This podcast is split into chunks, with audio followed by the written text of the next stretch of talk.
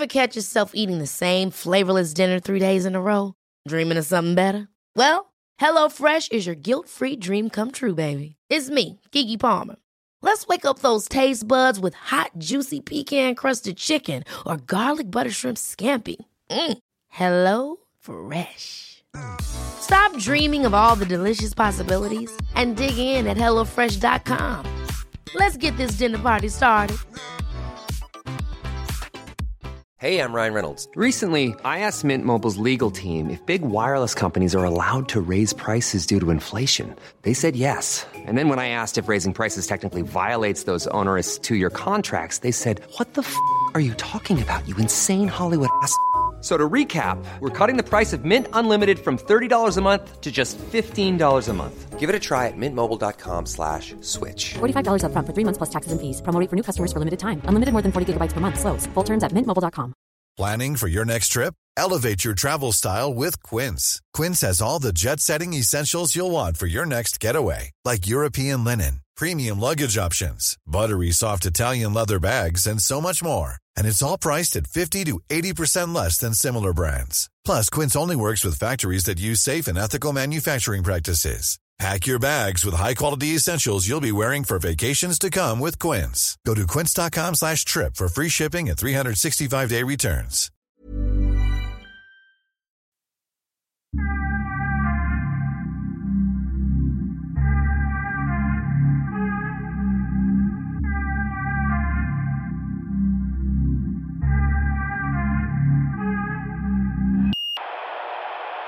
Är det inte ändå lite grann så att många av de här politikerna de spelar ett spel, de har en strategi, de, har, de vet vilka knappar de ska trycka på och hur de ska spela spelet. Att de möjligtvis inte är 100% autentiska, men de bara kör ett, ett speciellt race. Stämmer det, Lars? Är det ett spel? Ja, men stämmer det? Ja, alltså mycket av politik, eh, allt för mycket i, i mina ögon är strategi. Och det finns liksom eh, i det som görs, i det lilla och även i det stora, någon slags taktiskt tänkande som ligger över politiken. Eh, tycker jag i, i eh, en utsträckning som det har blivit mer på senare år. Där man i förhållande till medierna och sådär hela tiden eh, diskuterar strategiska överväganden. Eh, Eh, och mindre, vad är, vad är rätt i den här situationen? Vad är det vi står för? Vad är det våra politiska beslut grundar sig i? Snarare det än, än, eh, än det här med strategin. Så att jag, jag tror att du har en poäng. Ja, men i- ibland känns det lite som att det är som House of Cards. Eh, jag kommer ihåg, vi- jag träffade, det var för ett tag sedan, en, en eh, känd politiker från Vänsterpartiet, Mm. Utan att nämna den politikern. Linda.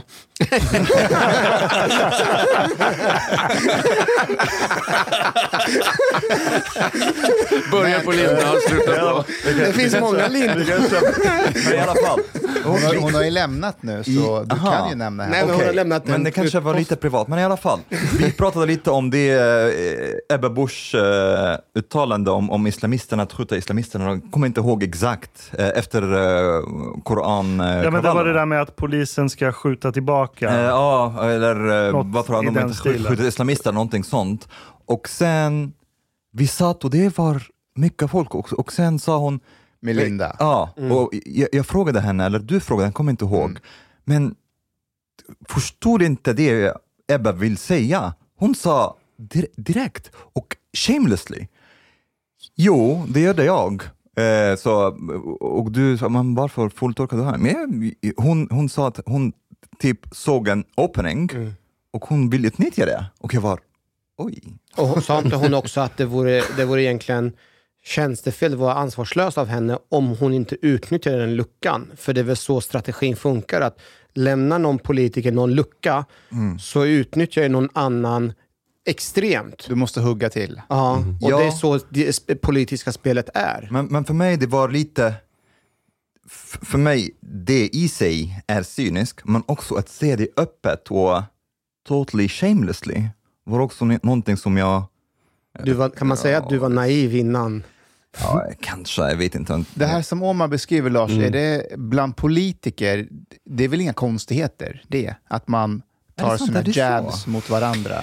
Nej, men att man, att man äh, sticker i luckan liksom, när det ges ett tillfälle. Äh, att äh, markera mot någon viss grupp, någon viss väljargrupp eller för att stärka upp sina egna i, ett visst lä- i, i något speciellt läge, sina egna väljare.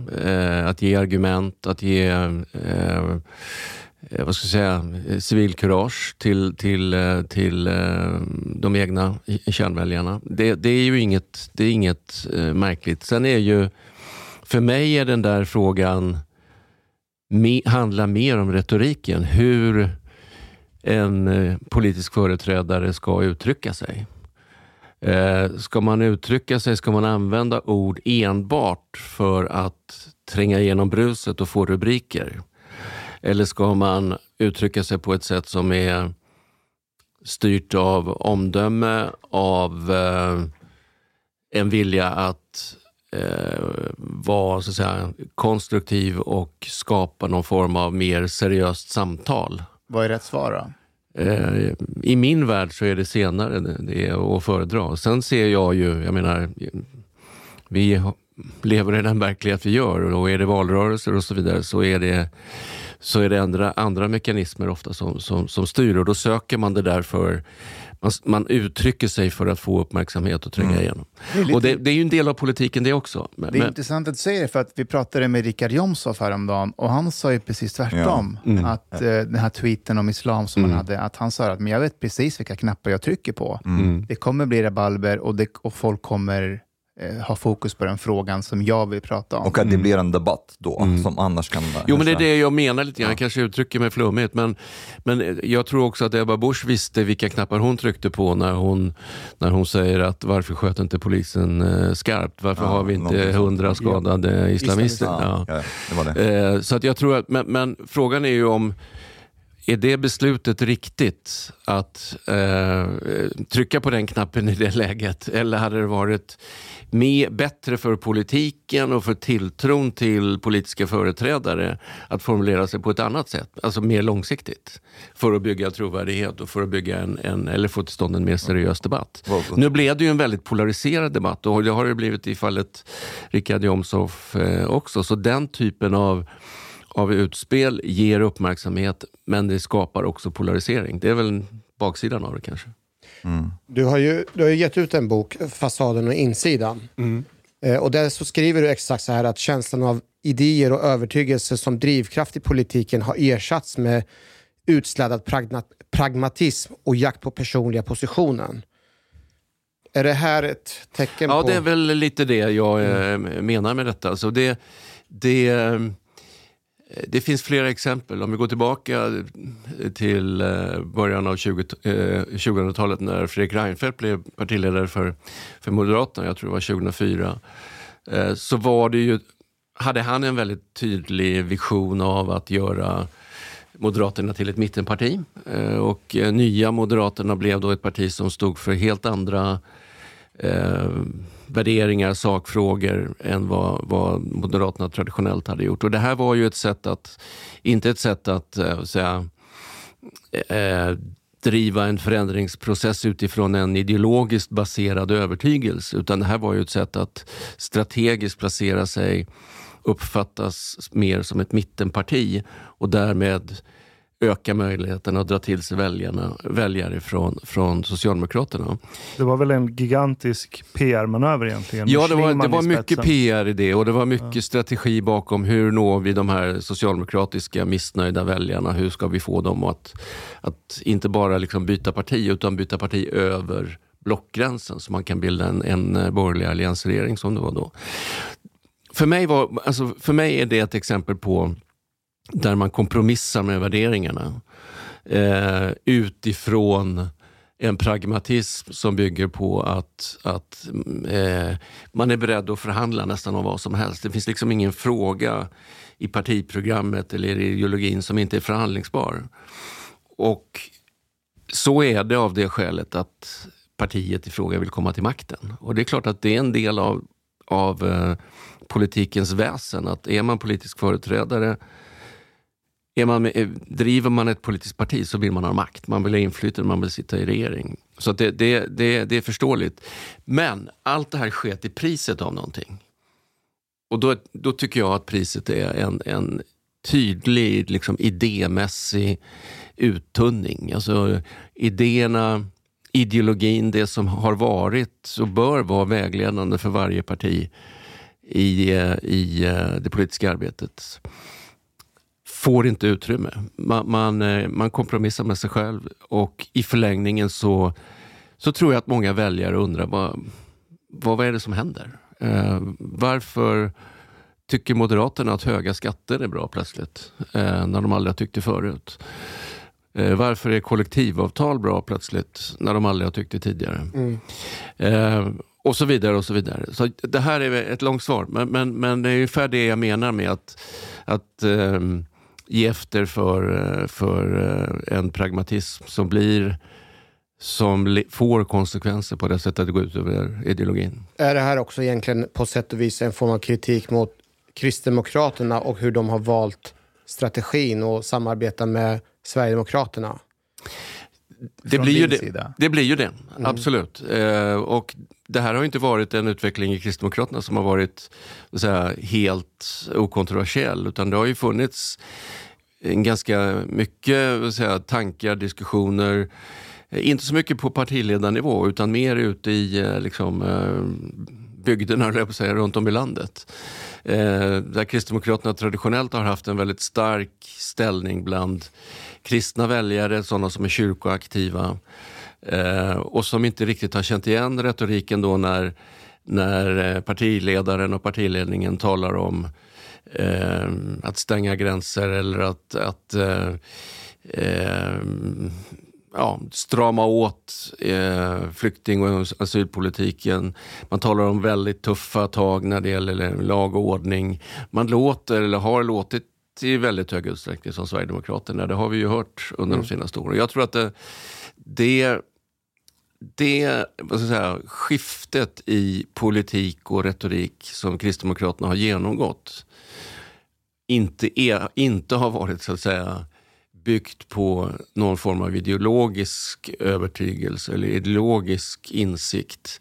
Utan snarare varit ett sätt att eh, ligga i linje med opinionen. Ja, det funkat dock. Vad sa du? Har det funkat? En del tycker att det har funkat. Läser man av eh, det som hände i valet 2022 eh, för ett år sedan så funkar det inte. Mm. Därför att eh, partiet gick tillbaka. Eh, partiet gjorde en, eh, en valrörelse där, eh, som hamnade på minus. Man fick inga nya väljare under hela valrörelsen. Och det är ganska unikt för Kristdemokraterna. Alltså, Kristdemokraterna brukar göra bra valrörelser. Ett litet parti får uppmärksamhet som alla andra under en valrörelse. Då brukar det ge nya väljare. I det här fallet gjorde det inte det. Så att, eh, och man kan ju avläsa detta på, på uh, olika sätt. Men den här tydliga profileringen på tuffare straff, lag och ordning, eh, hårdare invandrings och asylpolitik eh, gav inte den utdelning som, som man hade hoppats på skulle jag säga. Och, och Kristdemokraterna de ligger ofta under riksdagsspärren på, på opinionsundersökningar.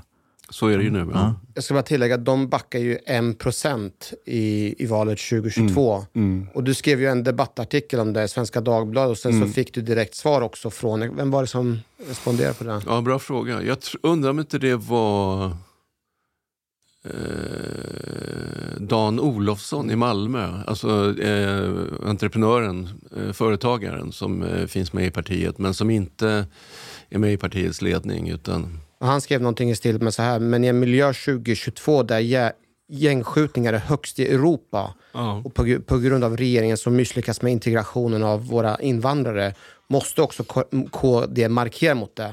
Han menar vidare också att vi, kan, vi lever ju inte i ett vakuum utan gängskjutningen och konsekvenserna av allt som har skett har gjort att eh, Kristdemokraterna har blivit tvungna att ändra, ändra positionen och de har väl lyckats ändå bättre än andra partier. Jag tänker på Miljöpartiet är ju inte alls trovärdiga när de försökte i de här frågorna. Nej, och Jag vill gärna säga att, att jag delar uppfattningen att, att Kristdemokraterna har haft, sen partiledarskiftet 2015, en, en eh, det har varit nödvändigt att bredda poli eh, den, politiska agendan och, och, partiets profil därför att eh, det räcker inte att vara Eh, ledande när det gäller sjukvårdspolitik och, och eh, bistånd och sådana frågor som traditionellt har förknippats med Kristdemokraterna. Utan man måste också som parti ha svar på de frågor som, som väljarna ställer. Och det är klart att inför valet 22, som det är idag, så är ju gängskjutningar, eh, organiserad brottslighet, stora frågor. Fortfarande är asyl och flyktingpolitiken en stor fråga, inte minst på, på EU-nivå. Så det är klart att det gäller att ha svar på de här frågorna. Jag menar inte att man inte ska tala om det. Men det som, som jag menar försvinner när, när eh, kursen läggs om utan att det, det finns en, en förankring i den egna ideologin. Eh, det är en dimension som gör att, att väljarna då inte riktigt känner igen sig. Och eh, det gör också att politiken inte upplevs som trovärdig. Jag tror att det måste finnas en väldigt rak linje mellan ideologi och sakpolitiska beslut. Och i kristdemokratisk ideologi så finns det ett begrepp som är mer eh, framträdande än andra skulle jag vilja säga. Och det är människovärde. Och i de här frågorna så handlar det i hög grad om människovärde. Och tappar man bort eh, det som kristdemokrat så tror jag inte väljarna känner igen sig. Och då tror jag att Kristdemokraterna blir en kopia av Sverigedemokraterna och kanske i viss mån också av, av Moderaterna. Och det var nog det som hände. Eh, så på, svar på din fråga om, om, om det inte har lyckats eller inte lyckades så, så tror jag att det inte lyckades av det skälet att delvis av det skälet att, att eh, väljarna tyckte att det fanns original som var bättre. Mm. Eh, och att det då inte fanns någon anledning egentligen att rösta på, på Kristdemokraterna som, som lät som KD väldigt mycket, eller lät som SD väldigt mycket. Eh, tog efter SDs eh, politik väldigt mycket och samma sak gällde ju för Moderaterna. Men man glömmer bort att du har ju en livstid bakom dig som journalist också. Mm. Mm. Ett, ett livstidsstraff. det är du som sa det. Eh, men kan inte du berätta om eh, varför blev du journalist? Ja, det var väldigt enkelt. Jag, det, det enda som jag eh, kände var meningsfullt under skolåren, det var, det var egentligen att, att skriva. Och, Eh, tillsammans med ett stort samhällsintresse. Eh, att jag följde tidigt liksom, eh, politik och det som hände i bred bemärkelse i, när det gäller samhällsutveckling och så. Och, eh, så den där kombinationen gjorde att jag ganska tidigt, jag vet inte hur gammal jag var, men det var säkert i, någonstans i mellanstadiet, högstadiet som jag kände att, att och jag hade också lärare som sa till mig att, att du borde nog satsa på att bli journalist. Och, och eh, det var inte så vanligt i, i de sammanhang jag kom från. Eh, I min familj har vad jag vet inte funnits någon före mig som har valt den yrkesbanan och sådär. Så men jag, eh, jag kände väldigt tydligt att det här skulle jag vilja jobba med. Jag tyckte det lät roligt och kul. Och, eh, sen när jag gick ut gymnasiet så hade jag egentligen bara ett alternativ och det var att söka till Journalisthögskolan. Och det gjorde jag. Kom inte in. Eh, övervintrade på Socialhögskolan en kort period. Så sökte jag till Journalisthögskolan igen och då kom jag in. Och det var ju, eh, jag kommer fortfarande ihåg den där känslan när jag fick brevet om att jag hade blivit antagen. Det var i Göteborg och det var, det var någonting i mig som, som, eh, som verkligen eh, ville det här och som drogs till och kände lust till journalistik. Vilket år var det här? Det var 1800. Nej, det var, jag, kom in på, jag började på Journalisthögskolan 1970 95 i januari. Då var jag 19 och um, skulle fylla 20 då senare det året. Så jag kom in väldigt tidigt. Uh, en som var före mig i spåret på Journalisthögskolan var Janne Josefsson. Så vi, ja, din gamla vän. Min gamla vän. Pluggade ni samtidigt? Eller? Ja, fast vi, det funkade så där att man, man eh, han var som sagt årskursen före mig så att vi hade inte så mycket med varandra att göra mer än i elevkåren och sådär där han ju var rätt aktiv och jag inte var så aktiv. Men, eh, Var, var, var det en beef mellan er redan då? Nej, jag tror inte han hade en aning om vem jag var. Eh, Janne var ju vid den tiden eh, redan då liksom, känd för sitt mod och sin eh, vad säger, ideologisk, starkt ideologiska övertygelse och eh, patos som han hade. Ju. Han såg ju journalistiken som ett redskap för att förändra världen. Jag var, tror jag, vid, det lag, vid, den, vid den tiden rätt... Eller jag vet att jag var blyg, tillbakadragen och eh, det är flera som har sagt efteråt att jag inte satte några djupa spår i, efter mig på Journalisthögskolan. När man söker på ditt namn på Youtube, det klippet som har mest antal visningar, det är en debatt mellan dig och Janne Ja, just det. Jag tror det var något med frisyren. Men, eh, Nej, det skrevs ju nämligen en sång om min frisyr som, Ja, okej, som ligger okej. på eh, Youtube också. Jag tror att jag såg det också, eh, men då, då debatterar ni om vad granskande journalistik är. Kommer du ihåg det där? Mycket väl. Ryan Reynolds here from Mint Mobile. With the price of just about everything going up during inflation, we thought we'd bring our prices down. So to help us, we brought in a reverse auctioneer, which is apparently a thing. Mint Mobile unlimited premium wireless. Ready to get 30, 30, bit to get 30, bit to get 20, 20, 20, bit to get 20, 20, bit to get 15, 15, 15, 15 just 15 bucks a month. So, Give it a try at mintmobile.com slash switch. $45 upfront for three months plus taxes and fees. Promo rate for new customers for limited time. Unlimited more than 40 gigabytes per month. Slows. Full terms at mintmobile.com.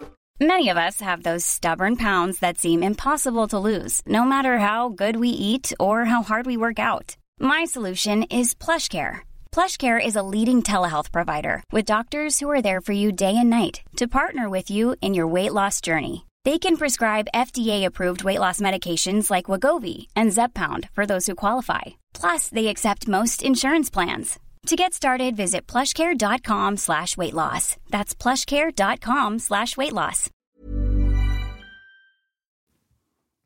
Du har väl aldrig skitat ner dina välputsade skor? Ja, det sa han. Säger Janne då. Sa Janne, ja precis. Du är väl den personen inom journalistiken som är så långt ifrån grävande journalistik man kan komma. Du skulle väl aldrig skita ner dig i dina välputsade skor eller någonting, var du än befinner dig i världen. För att gräva fram någonting. Har du gjort någonting som varit obekvämt för makten?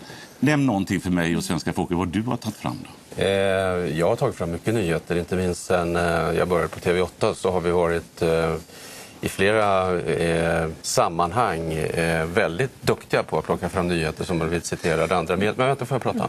Eh, eh, men det vi diskuterar nu, Janne, det, det är ju ansvar i journalistiken. Man kan stå för undersökande journalistik, man kan stå för granskning utan att bejaka de metoder som du använder. Och jag, jag står lika mycket för, för undersökande journalistik och granskning som du gör. Men jag, har inte sett, jag tror inte men jag använder- har sett resultatet av det ännu i alla fall. jag har inte mätt med dina mått, Nej, men, men, mätt eh, med andra mått kanske. men vad är det och, och det, jag vänder mig mot, jag vänder mig mot, Janne, det är att du ger dig själv Mm. en oförskämd auktoritet gentemot andra människor. Du sätter dig över andra människor, du mäter dem med din måttstock, vad som är rätt och fel.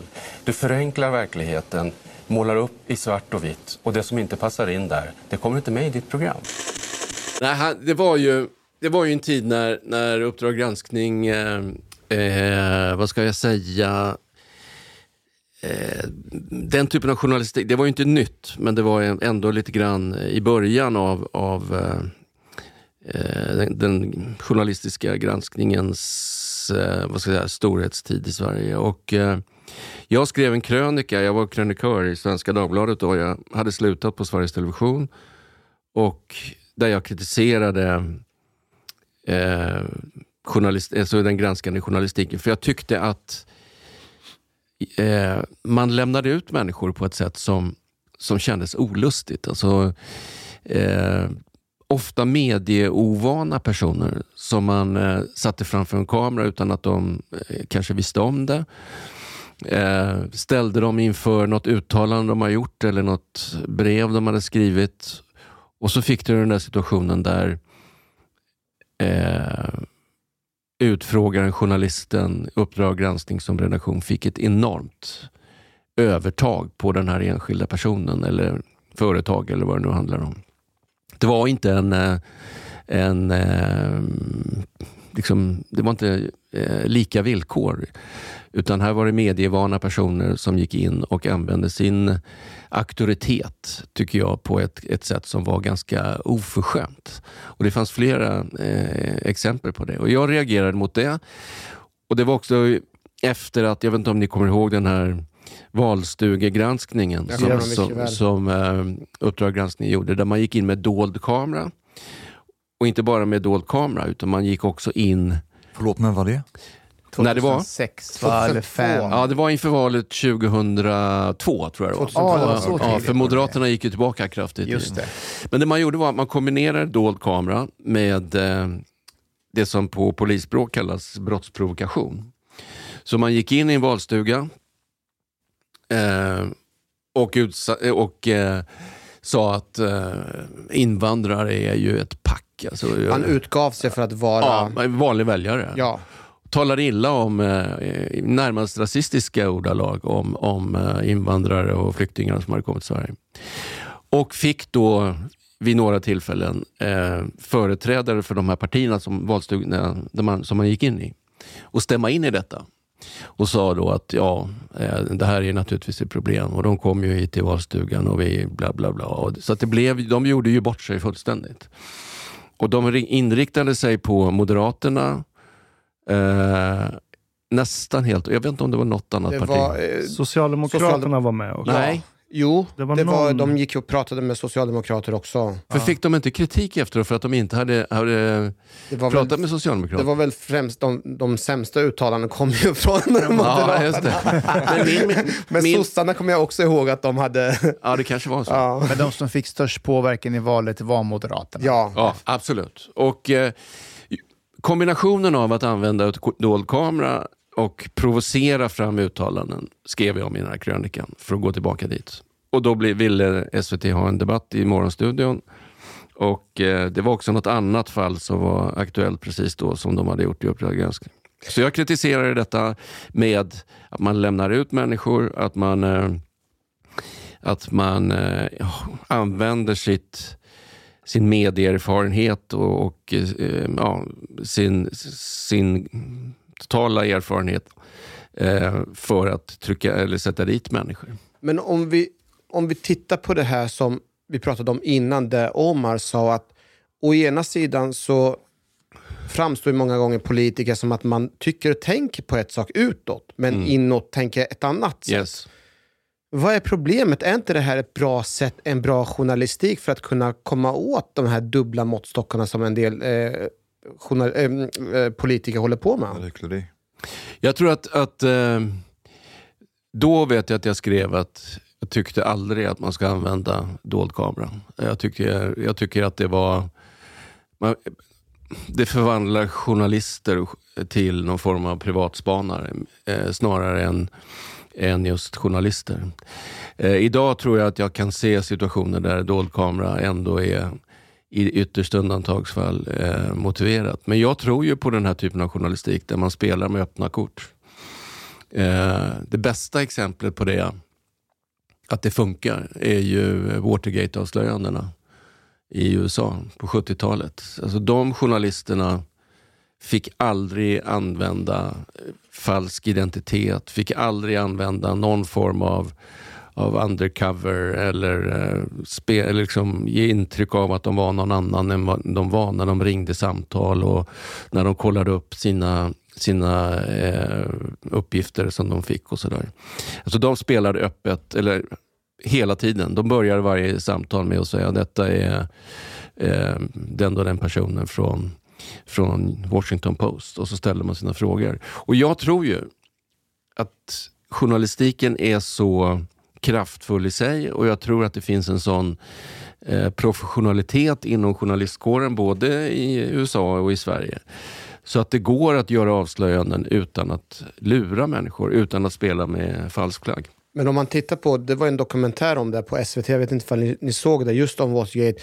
Det förutsätter ju, det fanns massor med eh, inspelad material som de kunde använda sen i rätten. Hade inte de inspelade materialen funnits eh, vid rättegången så, så vet man inte vad, vad, vart det hade landat. Nej, Det, det inspelade materialet som användes, som jag minns rätt, det var ju det som eh, så att säga de själva hade spelat in. Nej, rutin, Nej, det rutinmässigt Ja. det som hade spelats in i Vita huset. På Eh, egen där- där- där-.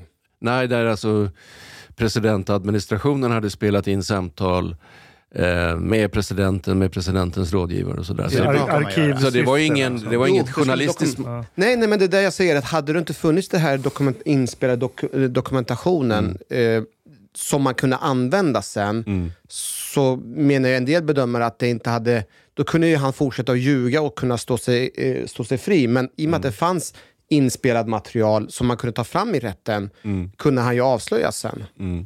Sen vet jag inte om, om dold kamera med allt vad det innebär, alltså är hållbart juridiskt inför en domstol. Eh, jag vet inte om det har prövats. Därför att det är ju, det är ju inte så enkelt som att säga att, att nu hänger vi på, man hänger på sig en, en, eh, en dold kamera och sen går man in och någon säger något förgripligt eller något som är olagligt och sen kan man spela upp det där och döma den personen. Utan jag menar, omständigheterna är ju eh, oerhört viktiga när man ska ta ställning till, till inspelat material oavsett om det är ljud eller Mm. ljud och bild. Jag kommer ihåg valstugereportaget mycket väl. För jag, jag bodde i Kista då. Och det var väldigt framträdande det här narrativet om att Mm. ja, men jättemånga svenskar är rasister, speciellt de som är höger. Och när det där reportaget kom, det var liksom som den, det, det, det, det var det sista beviset som behövdes för att Mm. titta, här är det svart på vitt. Och sen stod du och kritiserade reportaget. Mm. Och jag kommer ihåg, det är såklart en högerpolitiker, eh, eller en, en person, eh, han är säkert höger. så han vill bara skydda sina egna. Eh, det Nej, det var inte så vid det laget. Så det var 2002. Det var liksom, vadå, tio, långt, tio år, mer än tio år innan jag engagerade mig politiskt. Så att jag såg det då, i den debatten, inte som, som något politiskt ställningstagande. Jag såg det mer som en, som en, en eh, trovärdighetskris för journalistiken. Därför att jag, jag tror att, som sagt, att om journalister eh, inte längre är journalister utan någon form av privatspanare så, så tror jag att det är, eh, det är en utveckling som inte kommer att gynna journalistiken i längden. Jag tror att det kommer att gå ut över, ut över trovärdigheten. Och man har ju också sett i USA där det har gjorts sådana här tv-program där man, man gör underhållning av det här med dold kamera. Liksom, man lämnar ut människor på ett sätt som är fullkomligt oacceptabelt i ett rättssamhälle. Eh, så att eh, det är inte så att det här är en, en metod som eh, man kan använda liksom lättvindigt. Och det var det jag försökte, försökte Men det kommer ju fram för att i debatten med, med Janne, Mm. när, när jag såg det nu igår, eh, Janne är rätt defensiv och säger att det där behövs och så, men Mm. Idag får ju du rätt mycket upprättelse. Ja, faktiskt. Jag tänkte på det när jag lyssnade på, på er intervju med Ja. Janne. För han är ju... Eh, jag tycker han är, har, som alla människor, väldigt, eller flera väldigt goda sidor. Och en av hans goda sidor tycker jag är att, att han, eh, han vågar erkänna egna fel. Eh, och säga att det här blev inte bra. Det gjorde han inte då, för då, han stod mitt i det här naturligtvis. Och fick, det var ju inte bara jag som kritiserade, det var ju andra också.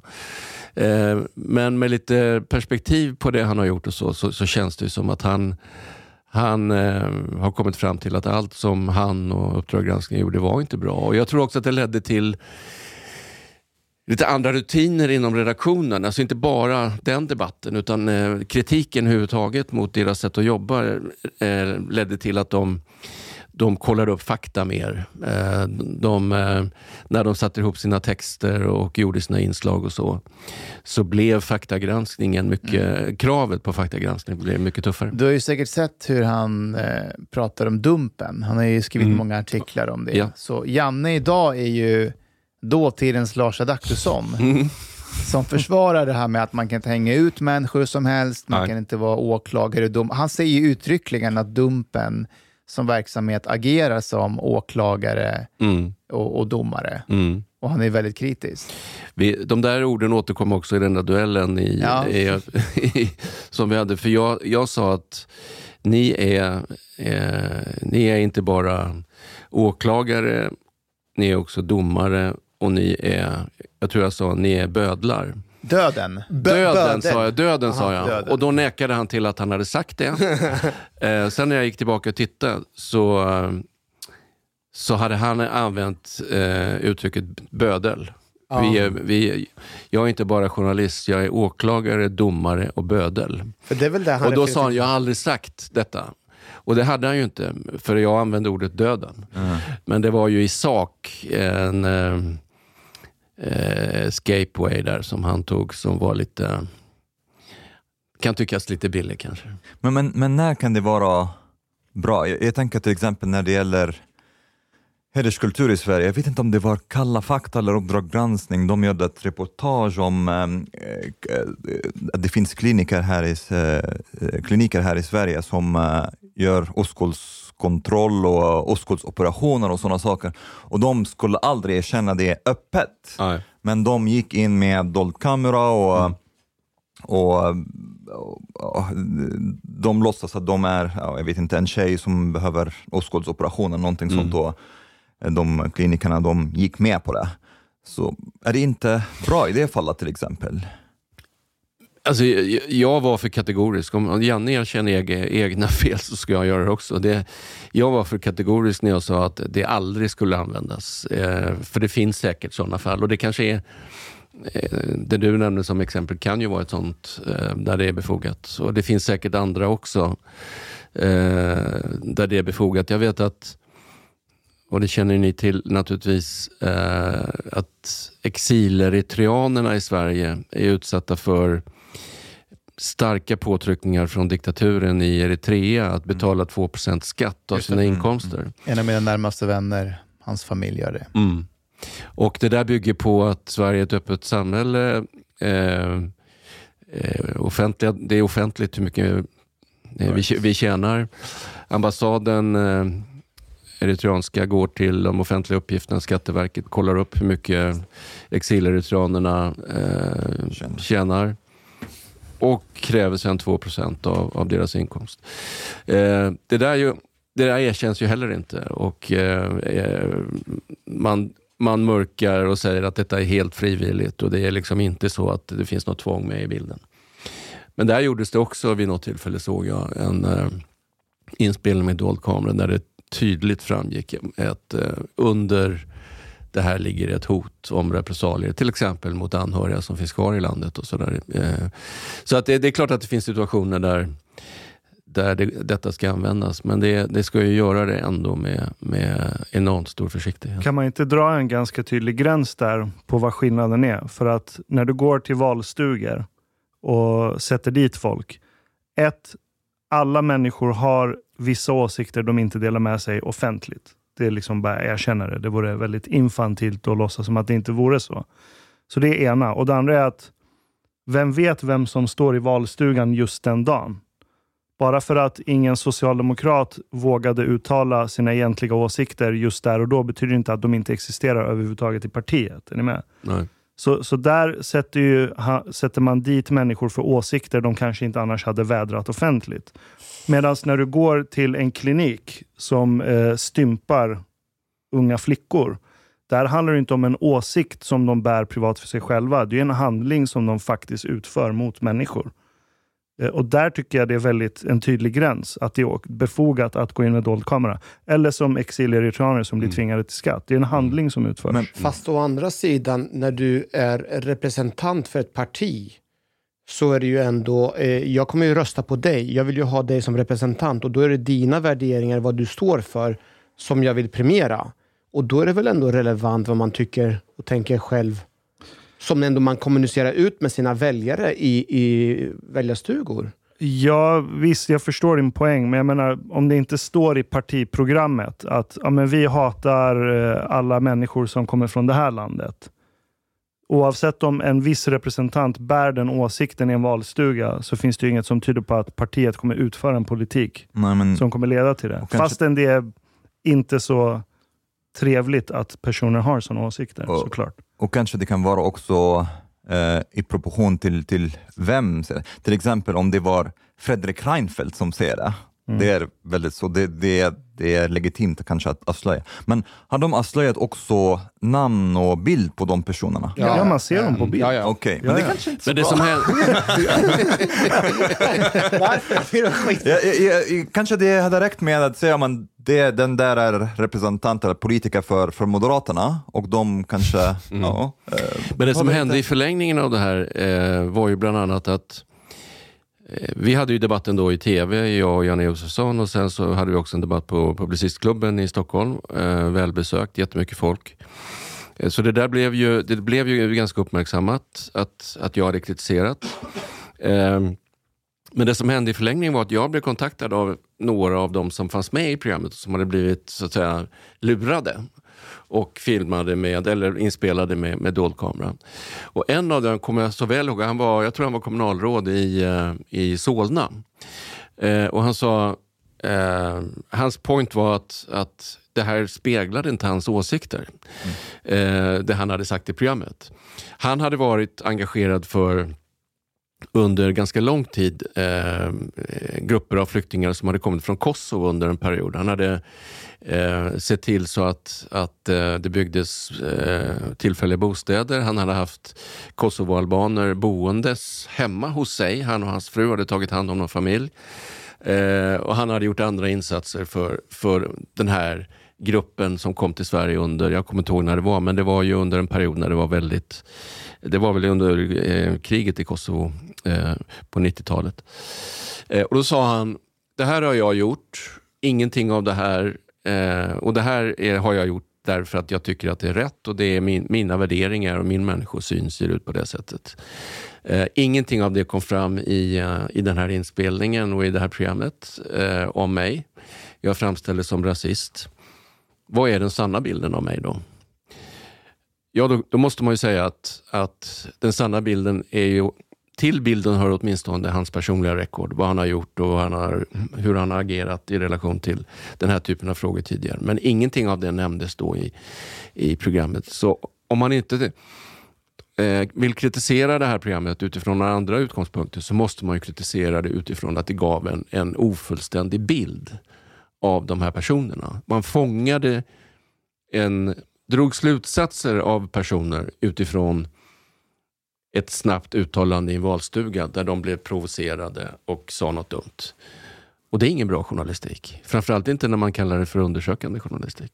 Och det gav ju konsekvenser för hela valresultatet. Ja, det påverkade Moderaterna i hög grad. Eh, Jag kommer inte ihåg hur mycket de gick tillbaka, men jag tror att de gjorde ett av sina sämsta val på väldigt lång tid. Jag tror de hamnade runt 15 procent. Och, det, och det ledde till en stor eh, säga, omprövning både av eh, politiken. Många rutinerade gamla moderata företrädare som Per Unckel och Gunnar Hökmark och så vidare flyttades undan. Och eh, det var ju i kölvattnet av det sen som, som Fredrik Reinfeldt tillträdde med ett helt annat mandat. Liksom. Och det, som, det blev i sin tur Nya Moderaterna som vi pratade om tidigare. Finns det ingen kritik mot just, var det Bo Lundgren som var...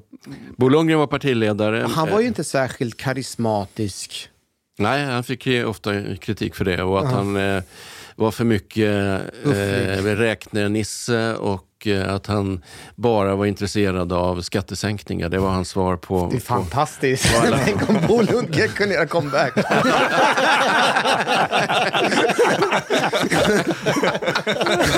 ja, men det kanske vi Vi inte ska skulle behöva hålla... ha honom nu. kanske vi inte ska hålla för otroligt. En annan sak som, eh, som jag blev förvånad över, eh, vet ni vad Lars Adaktusson mer har skapat? Eh, Agenda. Mm. Det är ju du som är, eh, det är ditt skötebarn. Mm. För att göra en lång story kort så var jag korrespondent i USA och sen eh, eh, sökte jag ett jobb på hemmaplan när mitt förordnande började gå mot, mot sitt slut. Eh, det var en stor omorganisation på Sveriges Television. skulle bildas Rapport och Aktuellt skulle slås ihop och det skulle bildas en stor nyhetspool eller en ny, stor nyhetsredaktion. Vara Just en de var på två olika kanaler på den tiden va? Mm.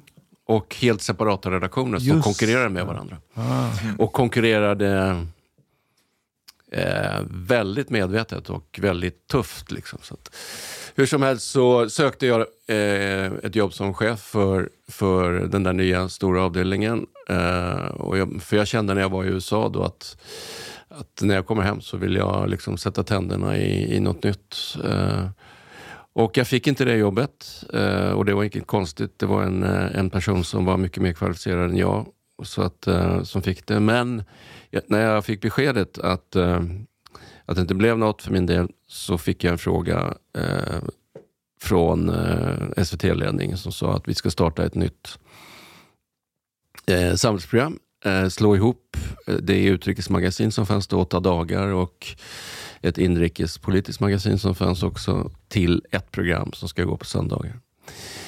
Eh, och eh, vi vill att eh, om du är intresserad så, eh, så får du eh, de här resurserna för att utreda hur ett sånt här program ska kunna se ut, vilka det ska vända sig till. Ett vitt papper. Eh, och, eh, och jag hade varit i USA då några år och fängslats verkligen av de här eh, söndagmorgnarna i amerikansk tv. Jag vet inte om ni har sett det, men där, där är det ett, en uppsjö av såna här eh, politiska talkshows i alla de stora kanalerna. Eh, som är liksom fantastiska. Alltså de har varje vecka de bästa och mest relevanta gästerna. Tunga politiska företrädare, kommentatorer. De sätter liksom agendan för den politiska debatten i USA genom de här söndag morgon, mor, morgon politiska showerna, eh, politiska programmen eh, på ett väldigt tydligt sätt. Så att jag var, var rätt eh, influerad av det här och eh, tyckte att det var liksom någonting, kan man göra det i den mest kommersiella kanalen eller kommersiella tvn i världen så måste man kunna göra ett sånt här, den här typen av program också i svensk tv som bygger på att man har inte bara kommentatorer, tyckare som liksom står i en panel och liksom rent allmänt eh, analyserar. Utan man har huvudpersonerna som, som har satt eh, liksom nyhetsagendan under veckan som har gått och som sätter den för veckan som kommer. Så det blev på något sätt utgångspunkten för mig och det tyckte ju mina eh, överordnade också var var en bra utgångspunkt. Så att vi blev ju beskyllda i början för att vara ett makthavarprogram och för att ha bara ministrar och eh, eh, ledande riksdagsledamöter och företagsledare och sådär. Men jag såg en poäng i det och jag drev det och det, blev, det var liksom till början med ganska kontroversiellt för det fanns då och det finns det väl nu också i journalistiken många som, som eh, vill se till liksom, man talar om den vanliga människan och det ska vara liksom eh, enkäter på stan och det ska, vara liksom, eh, det ska beröra och det ska vara gestaltning i, i den formen. Och det är inget fel i det. Men, men om man har ett program som ändå liksom väldigt tydligt är inriktad på ansvarsutkrävande från ledande beslutsfattare inom olika områden, men med tyngdpunkt på politik, så, så kan det inte vara fel. Eh, tyckte jag. Eh, och jag drev det och eh, Sen var jag programledare då i, och ansvarig utgivare i eh, fem år. Jag jobbade varje söndag, söndagkväll. Eh, var ensam programledare. Eh, och eh, sen kände jag när jag hade jobbat med det i fem år att programmet var etablerat. Det var otroligt roligt att jobba med. Eh, och jag kände också att de här konflikterna som vi hade haft om vad programmet ska vara för någonting egentligen. Om det ska vara ett reportagemagasin eller om det ska bygga på det här med med makthavarintervjun och ansvarsutkrävandet och sådär. Eh, den var på något sätt lagd åt sidan. Uh, och det är ju den, det konceptet mer eller mindre som, som vi ser idag också. Så att uh, då kände jag efter fem år, och det hade ett ganska stort pris, alltså både vad ska jag säga, jobbmässigt. Alltså jag jobbade, det är ju inte så att man jobbar eh, söndag så är man ledig två dagar mitt i veckan. Det, det skulle jag ju vara, men det, det blev ju inte så, utan redan på måndag morgon så var jag ju med i möten och sådär om vad ska vi ha nästa vecka och hur planerar vi veckan som kommer. Så att det var en, ett jobb sju dagar i veckan och eh, jag tyckte också att familjen, jag försummade eh, familjen under de åren i och med att jag, alla sådana här sociala aktiviteter, skulle man bort en lördagkväll eller en, en fredag så var det hela tiden här, ja imorgon är det jobb från tidigt på morgonen och sådär. Så att det hade ett pris. och eh, Men som sagt, det var ju en otrolig förmån att få, få uppdraget att starta det här.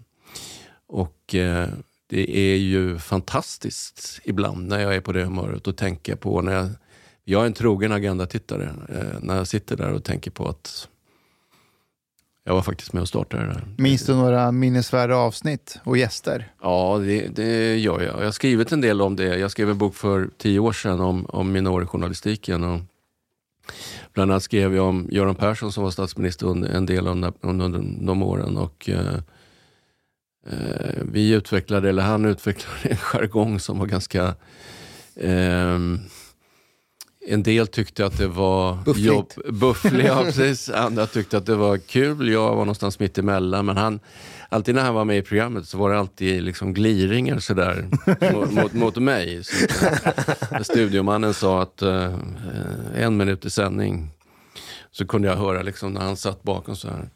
Ja, det här klarar du aldrig. Adam." Eller också så här, ja, gör inte bort det nu igen. inte samma debacle som förra veckan. Han var ju känd för de där... ja, ja, visst. Men han, han gjorde det med glimten i ögat. Han gjorde det med glimten i ögat eh, för det mesta, men ibland fick jag en känsla av också att han ville liksom så en osäkerhet i, i lägret, liksom, eller i studion. Och eh, eh, vid ett tillfälle, eh, och det var när han skulle duellera första gången med Fredrik Reinfeldt då, som var nyvald moderatledare och statsministerkandidat.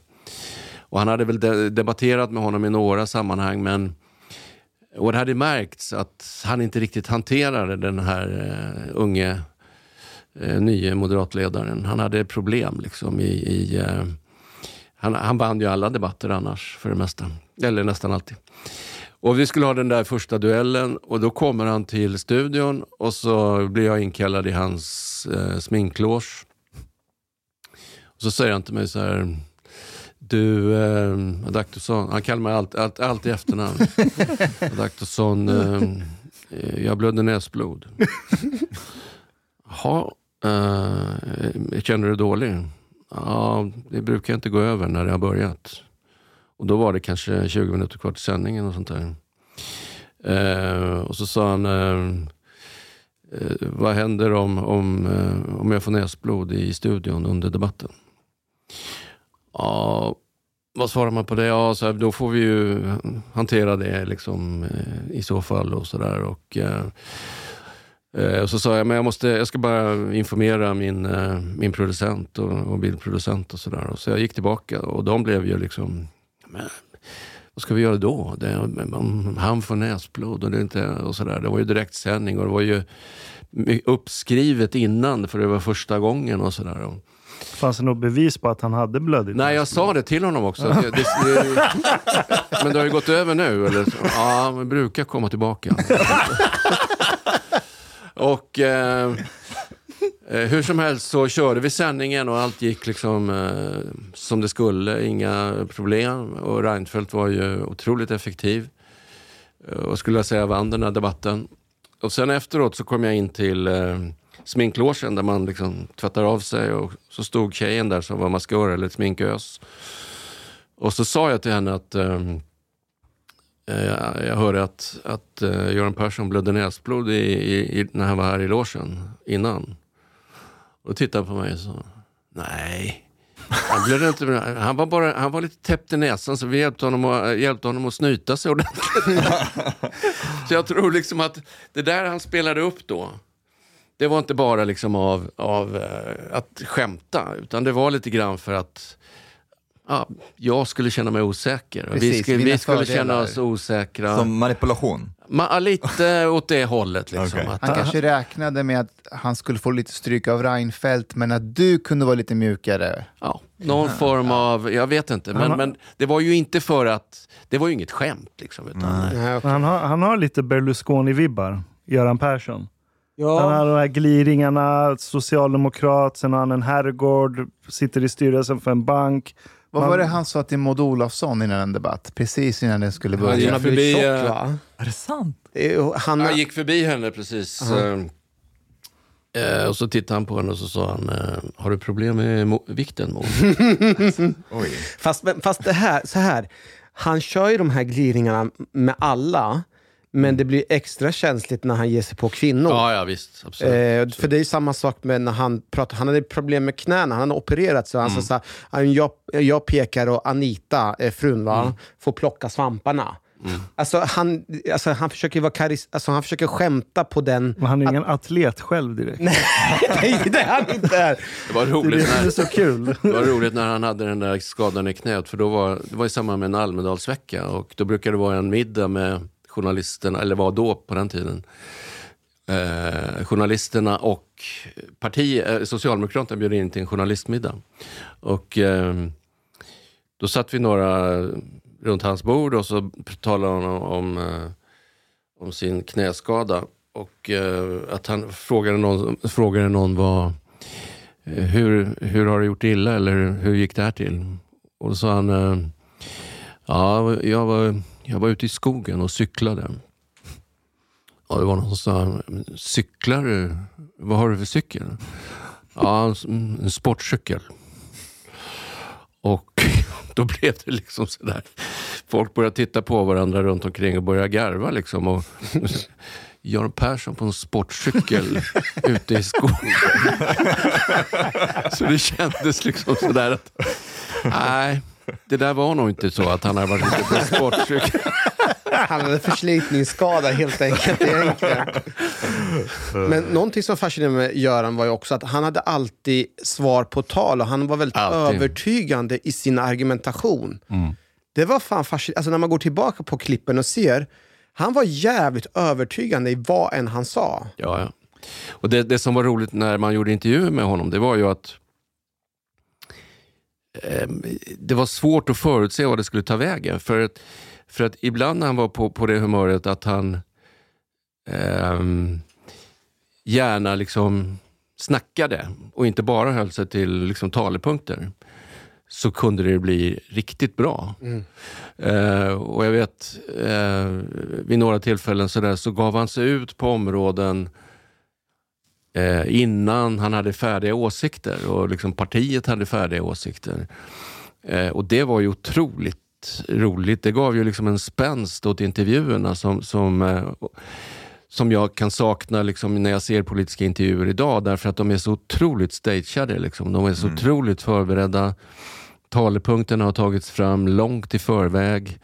Eh, och eh, politikerna, politiska företrädare på ledande nivåer idag är otroligt duktiga att hålla sig till, till det de ska säga. Och, och det känns ju ibland att politikerna svarar inte på frågan Nej, det gör de alls. inte. Nej, nej. De har en eller två punkter. Det är och de det det handlar om, att inte göra det Men jag, jag, ofta. Ja. Jag fattar inte att hur man kan komma undan. Att de svarar inte på frågan. Eh, Magda, hon har ju två, tre punkter och hon repeterar dem om och om igen. Reportern ställer frågan igen, men hon repeterar en gång till. Jag fattar inte att till och med väljarna köper det. Men du vet, det finns en, det finns en psykologi när, eh, i den här typen av sammanhang som, som är svår att, att hantera. Och det är att när du som utfrågare i en direktsänd eh, partiledarintervju upprepar frågan flera gånger. Du kan säga, jag har inte fått svar på det här. Och så upprepar man det, inte en gång utan två gånger och tre gånger. Tittarna blir vansinniga.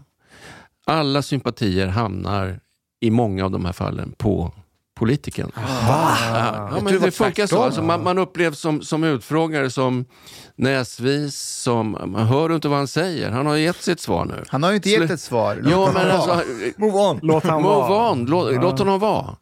Eh, var inte så oförskämd eh, och sådär. Alltså det, jag har varit med om intervjuer där jag tycker att det har varit eh, oerhört viktigt att upprepa frågorna och liksom eh, tjata nästan. Och jag har blivit totalt sågad. Och jag, jag, det där är, det något svenskt då? Att man, ma- man vill inte att människor ska bli inträngda i ett hörn och man vill inte ha dålig jag, jag, jag tror att det är, det är delvis svenskt, men jag vet också, och det var något av det som jag beundrade mest när jag tittade på de här söndagsshowerna i, i amerikansk tv om politik. Att de hade en förmåga att vara artiga, liksom, eh, respektfulla mot sina intervjuoffer. Om det, oavsett om det var en eh, utrikesminister eller en kongressledare eller vad det var, så var det liksom, fanns det en grundläggande artighet liksom, gentemot eh, gästen. Eh, och sen var det jättetuffa tuffa frågor inom ramen för någon slags sån här eh, korrekt uppträdande. det skulle vi behöva lära oss med. Därför att i Sverige, hos oss, tycker jag ofta att, att när man, och jag har själv varit där, eh, man uppfattas, man avbryter, eh, man skjuter in frågan, man ställer samma fråga igen. Det upplevs som oartigt. Folk tycker inte att, att någon ska bli illa behandlad eller liksom eh, bli behandlad utan, utan respekt i en, i en tv-studio. Eh, och jag tror att det är det som liksom eh, skapar de här reaktionerna, att, att folk blir upprörda. Att man inte är artig och att man inte respekterar den som man, man har bjudit in. Eh, Så att jag tror att det, det, det finns en skillnad där eh, mellan Sverige och USA. Men det är i- på det journalistiska planet, att de mer har lärt sig liksom att kombinera en grundläggande artighet med tuffa frågor. Av de journalister som vi har idag, vem tycker du hanterar den här att kunna ställa fråga om och om igen och, utan att uppfattas bufflig? Eller vem är, vem är duktig i Sverige? Nu är inte jag aktiv längre i politiken. Hade jag varit riksdagsledamot så, så hade jag inte eh, nämnt något namn. Men jag tycker att det finns liksom en person som, som eh, är outstanding i den här genren just nu och det är ju Anders Holmberg i eh, 30 minuter. Han har ju en förmåga att, att tycker jag, kombinera det här med att, att ändå eh, tona ner sig själv, eh, föra ett lugnt samtal men inte släppa eh, ämnet utan, eller släppa intervjuoffret. Utan, Sen har han sin signaturblick också. Där han inte får det han vill. Ja, just det. Han ser bekymrad Den ut. är ser bekymrad. fenomenal. Men va- varför säger du inte, är det ett, ett svenskt uttryck, intervjuoffret? Ja, Ja, Om ja. man säger så. Är det sant? Ja, man bara säger. Det, det, är egentligen, det, är egentligen, det är egentligen ett, ett eh, tveksamt uttryck. Alltså. Ja, det är ju De är ingen, väl de inte offer? de, att, det måste ha myntats av eh, journalistkåren själv som tycker att de eh, är så duktiga som, så att de eh, har offer framför sig. Fast fråga, frågan är hur nästa generation ställer sig till den här psykologin. För de växer Mm. upp med YouTube. Mm. Där är det väldigt premierat att sätta dit folk. Ja, absolut. Du ser det på rubrikerna på alla videos. Mm. Eh, Den och den destroys den här personen. Och så är det konfrontativt. Men också väldigt autentiskt. För Mm. du, du kan inte vara stagead på YouTube. Då kommer ingen titta på vad du har att säga. Det Nej. är därför Annie Lööfs YouTube-kanal inte gick så bra. Det var väldigt stageat, det är inautentiskt. Så jag, jag, jag skulle tippa på att Göran Persson hade gjort en jordskredsseger om han hade kommit tillbaka i politiken idag. Han är väldigt YouTube-generationsvänlig. Han sitter och kör sin grej. Sakerna han säger går inte att hitta i partiprogrammet, men det tror jag många skulle skita i idag. Mm. Han är real. Så här har vi en comeback till. Först var det Bo Lundgren Ja. och nu är det Göran Persson. Får jag bara ställa en eh, fråga kopplat till hur mycket är det Holmbergs förtjänst och hur mycket är det själva redaktionen med all researcharbete? För jag undrar liksom, vad är hönan och vad är ägget?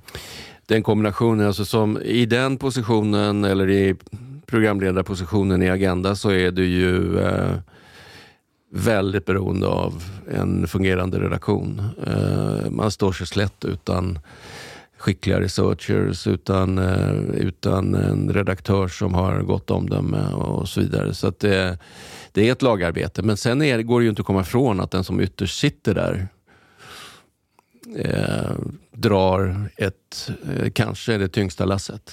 Därför att eh, det räcker ju att ha en, eh, en dålig dag eller lyssna dåligt på den som sitter framför en av något skäl, att tankarna drar iväg åt något håll. Så blir det ju inget bra jobb. Nu när vi har nämnt en bra, kan du nämna någon som är riktigt dålig? Ja, det finns en podd där det finns några som ställer frågor. Men, men bra, du hyllade Anders Holmberg. Eh, Mustafa har dissat eh, Low-key dissat honom. Low-key, low-key. Okej. Han, han har hyllat honom men dissat hans program. Ja, Passiv okej. aggressivitet kallas det. Nej, men så här, han har ju jagat Richard Jomshof ganska länge nu. Och Richard Han tackade har jagat Sverigedemokrater överhuvudtaget tror jag. För att han, Ja, jag såg något sant. på sociala medier att han efterlyste Sverigedemokrater. Precis. Och då, just då så tackade Rickard att komma till oss istället för att gå till honom. Och det jag riktade kritik var mot eh, programformatet. Jag tycker att Anders Holmberg förtjänar mer tid. Inte t- 30 minuter utan minst en timma. Det är ett bra programnamn, minst en timma med Ja, Anders Holmberg. CBS Jag, måste säga, 60 det är väldigt elegant diss.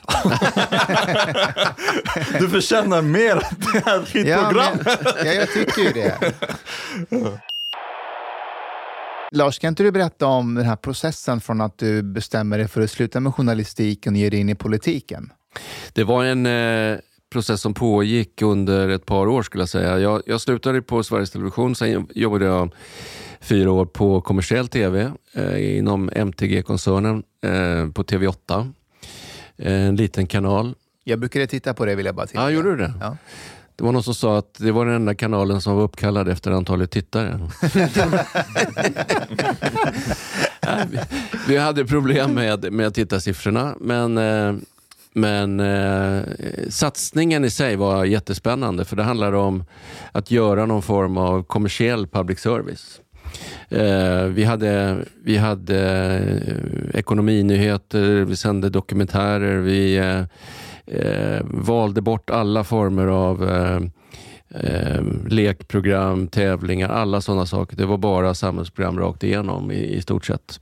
Så det var en, en, eh, en kommersiell eh, public service-satsning.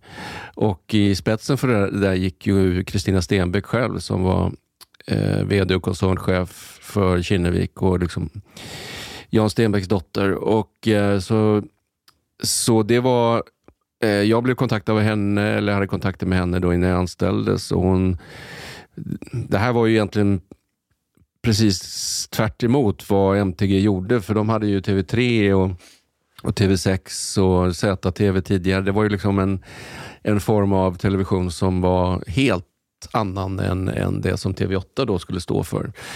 Så, men hon var väldigt övertygande när hon förklarade att, att hon, ville göra, hon ville ha ett seriöst alternativ. Hon ville se, ett, en, en, eh, se konkurrens även på public service-området.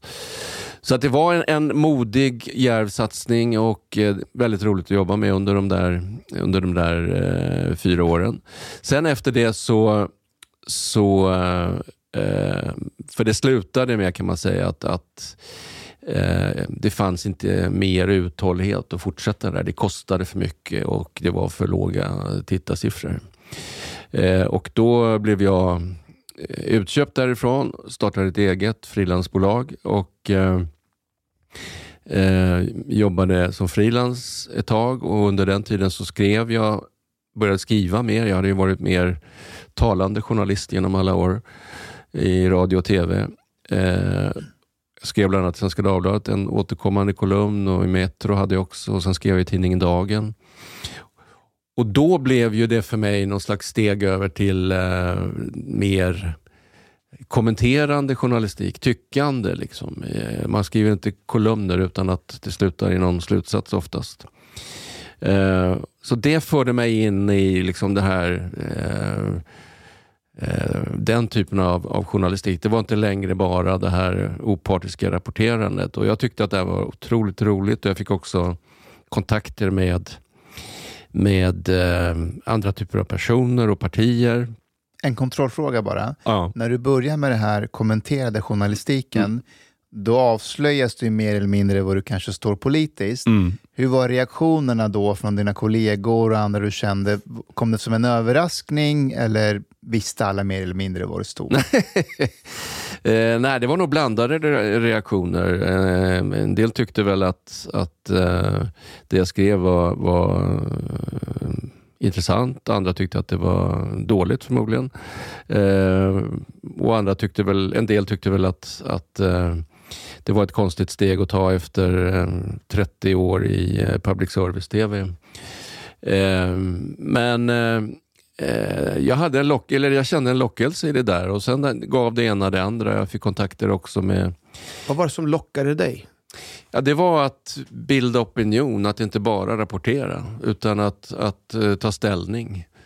Uh, och ur det föddes också en, en stor lust att jobba politiskt. Uh, vara med där besluten fattas, vara en del av beslutsfattandet, påverka uh, politiken och påverka samhällsutvecklingen mer aktiv, eh, på ett mer aktivt sätt än vad man kan göra som rapporterande journalist i ett nyhetsprogram. I, alltså där, med det följer ju en, ett krav på opartiskhet som, som är naturligt och som självklart ska följas.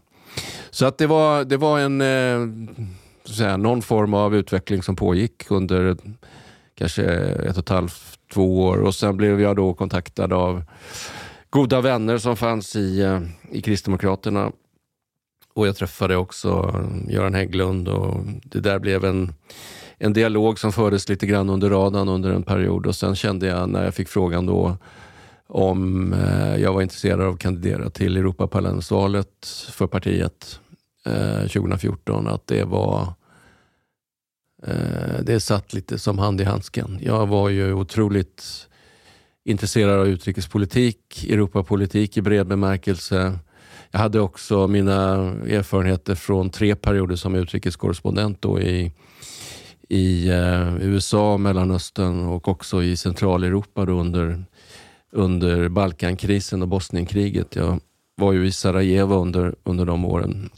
Eh, så att jag kände att, att eh, det här var ju, eh, någonting som kändes jättespännande. Och då, då eh, tackade jag ja till det. Och då fick det ju eh, rätt dramatiska konsekvenser direkt. Att göra det där sidbytet innebär ju att, att eh, det är slut med, med det som, som jag hade gjort tidigare. Det går inte att kombinera ett politiskt engagemang med nyhetsjournalistik. I boken berättar du om den här scenen där du är på väg till det här podiet. Ja, och att, i riksdagen. Precis, Mm. och hur du ser att shit, jag var ju på andra sidan och Mm. nu, nu alla mina kollegor där är nu liksom... Mm. Det, är de som Ja, det var nog inte så mycket shit, för jag insåg att det skulle bli så. Men, men det, var, det var ovanligt och det var en, en känsla som var väldigt påtaglig. Att det var en epok i mitt liv som var slut och det inleddes en ny. När man byter sida från journalistiken till politiken, finns det någon form av, från eh, journalistkollegor, någon form av förrädarmentalitet eller någonting? F- Hänger du med på min... Eh, Ja, ja, det är en jättebra fråga. Eh, För det var lite som en nationell chock. Att- Ja, att- jag blev chockad! Nej, men, nej, men, jag tror det. Det, det. det fanns mellan raderna. att, Ja, ja. Vänta, en public service-journalist som haft politiska åsikter hela livet. Det var det som var chocken. Adaktusson, Av han liksom- alla också. Ja, så ja. det tror du. att public service-journalister inte har Nej, politiska jag, åsikter? om man sitter och aktivt tänker tanken så inser man hur galet det skulle vara. Mm, Men jag tror att man har den känslan med sig. Och om de har åsikter så är de ju i vart fall socialdemokrater, mo- äh, miljöpartister. Inte är de kristdemokrater. Nej, nej. Det är de definitivt Nej. inte. Nej, det var, det var nog eh, kanske det mest otippade. Jag vet inte. Nej, men det, det är klart att det... det Blev du själv chockad över att det var... att, att det var... Att det, nej, men att, det- att, att Kristdemokraterna! det var kristdemokrat. Jag menar, du visste ju nej, inte. jag kan komma till det, men jag ska svara på den här frågan först om... om eh, eh, Fiender och... Eller, Ja, precis. Och jag tror inte att det är så att Okej. Du har lyssnat så här långt. På sista måltid. En mycket fin radioprogram i Sverige. Du tycker det är mycket trevligt. Men, min vän, lyssna på mig nu. Du har inte betalat biljett på klubb sista måltid. De har dom grabbarna de behöver pengar. Flis. Lax. Stolar. Dirabilar. Lyxhotel. Du vet. Då måste du betala om du ska lyssna mer. Du får gaflera wsnit avsnitt också. biudande, helt enkelt. Läs i beskrivning för avsnitt, där det finns information för att bli medlem på klubbista måltid. Det kostar som en mycket liten kafe late ute på torget. Per månad. Lätt som en plätt. Tack,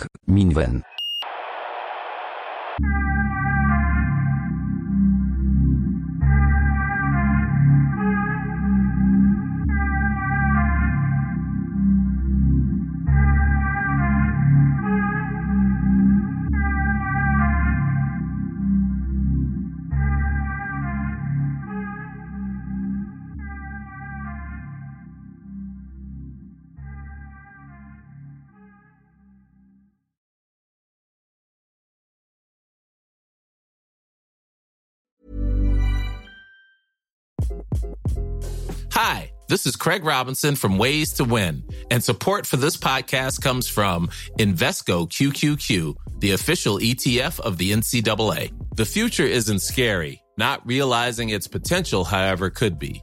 Just like on the recruiting trail, I've seen potential come in many forms as a coach. Learn more at Invesco.com slash QQQ. Let's rethink possibility. Investco Distributors, Inc. Ever catch yourself eating the same flavorless dinner three days in a row? Dreaming of something better? Well, HelloFresh is your guilt-free dream come true, baby. It's me, Kiki Palmer. Let's wake up those taste buds with hot, juicy pecan-crusted chicken or garlic butter shrimp scampi. Mm. Hello Fresh. Stop dreaming of all the delicious possibilities and dig in at HelloFresh.com. Let's get this dinner party started. Planning for your next trip? Elevate your travel style with Quince. Quince has all the jet setting essentials you'll want for your next getaway, like European linen, premium luggage options, buttery soft Italian leather bags, and so much more. And is all priced at 50 to 80% less than similar brands. Plus, Quince only works with factories that use safe and ethical manufacturing practices. Pack your bags with high-quality essentials you'll be wearing for vacations to come with Quince. Go to quince.com slash pack for free shipping and 365-day returns.